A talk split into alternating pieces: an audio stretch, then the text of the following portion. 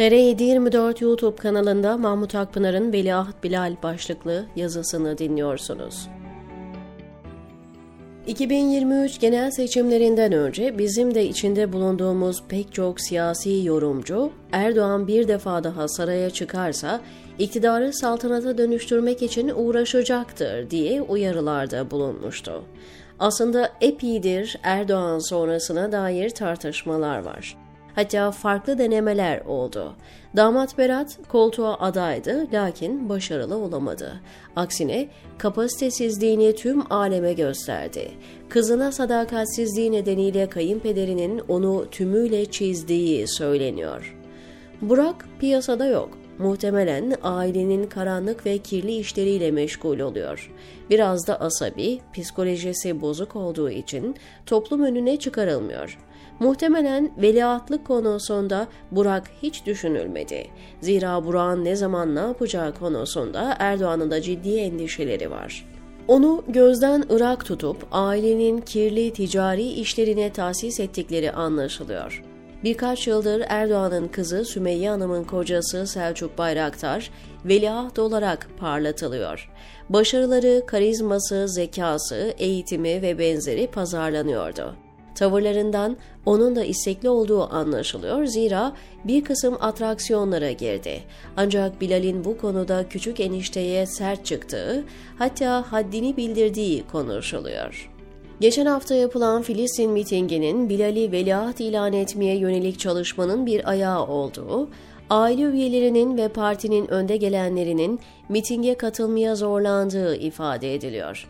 Mitingdeki tabloya baktığımızda Bilal Erdoğan'ın esas oğlan olarak planlandığı görülüyor. Daha önce saraya çıkma iddiasındaki aktörler Bilal'in arkasına dizildi ve biat görüntüsü verdiler.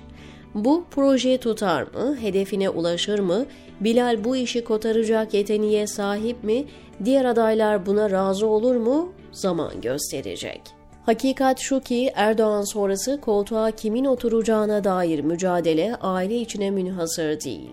Aile dışından da koltuğa örtülü açık adaylar var. Sır küpü ve kirli bütün operasyonların beyni Hakan Fidan, Erdoğan sonrası kendini ciddi alternatif görüyor. Damatlara, oğullara rağmen sıkı hazırlık yaptığında şüphe yok. Uluslararası bağlantılarının kendisine avantaj olacağını düşünüyor. Ayrıca son 10 yılda Erdoğan'la birlikte karanlık operasyonlar yapma konusunda ustalaştı. O artık bir dönemin kara kutusu. Pekala bu tecrübeyi, öğrendiği illegal yöntemleri siyasi rakiplerine karşı da kullanır. Yeni Karakutu İbrahim Kalın da koltuğa hazırlananlar arasında olabilir. Yıllarca Erdoğan'ın danışmanlığını, tercümanlığını yaptı. O da Hakan Fidan kadar karanlık döneme katkı verdi. Hak iddia edecek emeği var. Kalın'ın kamuoyuna oynama, entel ve şirin görünme merakı aşikar. Daha önce Hulusi Akar, Süleyman Soylu gibi figürler de kendilerini saraya veliaht görüyor, hazırlık yapıyorlardı. Ama Erdoğan bunları bir gecede çizdi, belki de planlı bir şekilde oğlu Bilal'in önündeki mayınları temizliyor. Numan Kurtulmuş, milli görüş tabanının sıcak bakacağı bir isim. Adı çok geçmiyor veya mücadeleyi derinden yürütüyor. Erdoğan'ın Bilaloğlan'ı kendisine veliaht yapması beklenmiyordu ama sanırım mecbur kaldı. Damatlara güveni yok. Devleti aileyle örtüştürdüğü için gücü ailesi dışından birisine teslim etmek istemez. İktidar başkasının elinde olursa aile kendisinden sonra bunca mülkü, serveti, gücü koruyamaz. Dahası hesap sormak isteyenler çıkar, ailenin burnundan fitil fitil getirebilirler. Reis kendisinden sonra bazı dosyaların açılmayacağından emin olmak istiyor. Bilal saflığıyla, kırdığı potlarla literatüre geçse de Erdoğan'ın onda karar kıldığı anlaşılıyor. Muhtemelen açıklarını kapatacak, zaaflarını örtecek, tedbirler alacak, tahkimatlar yapacak. Sağlığında ona zemin hazırlayacak. Anayasa değişikliği mırıltılarına da saltanata yol yapma çabası olarak bakmak gerekir. Bilal Erdoğan'ın gayet hırslı olduğu, farklı kurslar, eğitimler aldığı söyleniyor. Anlaşılan babası da ikna oldu ki potansiyel adayları onun arkasına testi gibi dizmeye mecbur etti. Filistin mitingi bir yönüyle veliahtın halka ilan merasimiydi.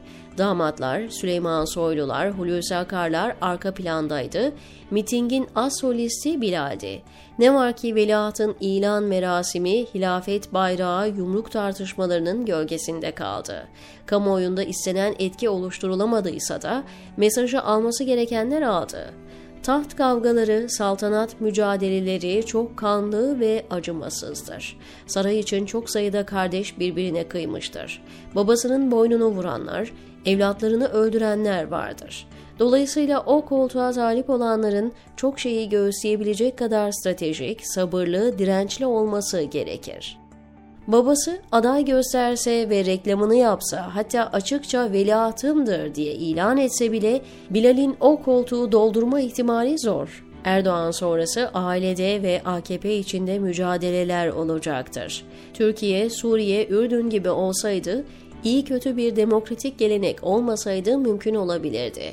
Ama Türkiye tecrübesi, siyasi tarihi bırakın bir veliaht seçmeyi, Aydın Menderes gibi çok sevilen ve mağdur edilen bir siyasetçinin karizma sahibi oğlu Aydın Menderes'e bile kredi vermedi. İsmet İnönü'nün, Alparslan Türkeş'in, Turgut Özal'ın, Necmettin Erbakan'ın çocuklarının hali ortada. Halkımızın demokratik bilinci çok yüksek olmasa da iktidarın babadan oğula aktarılması noktasında bir duyarlılığa sahip. Üzerinde durulması gereken konu yeni seçilmiş bir başkanın önünde uzun yıllar varken neden bir veliaht belirleme çabasına giriştiğidir, diyor Mahmut Akpınar, TR724'deki köşesinde.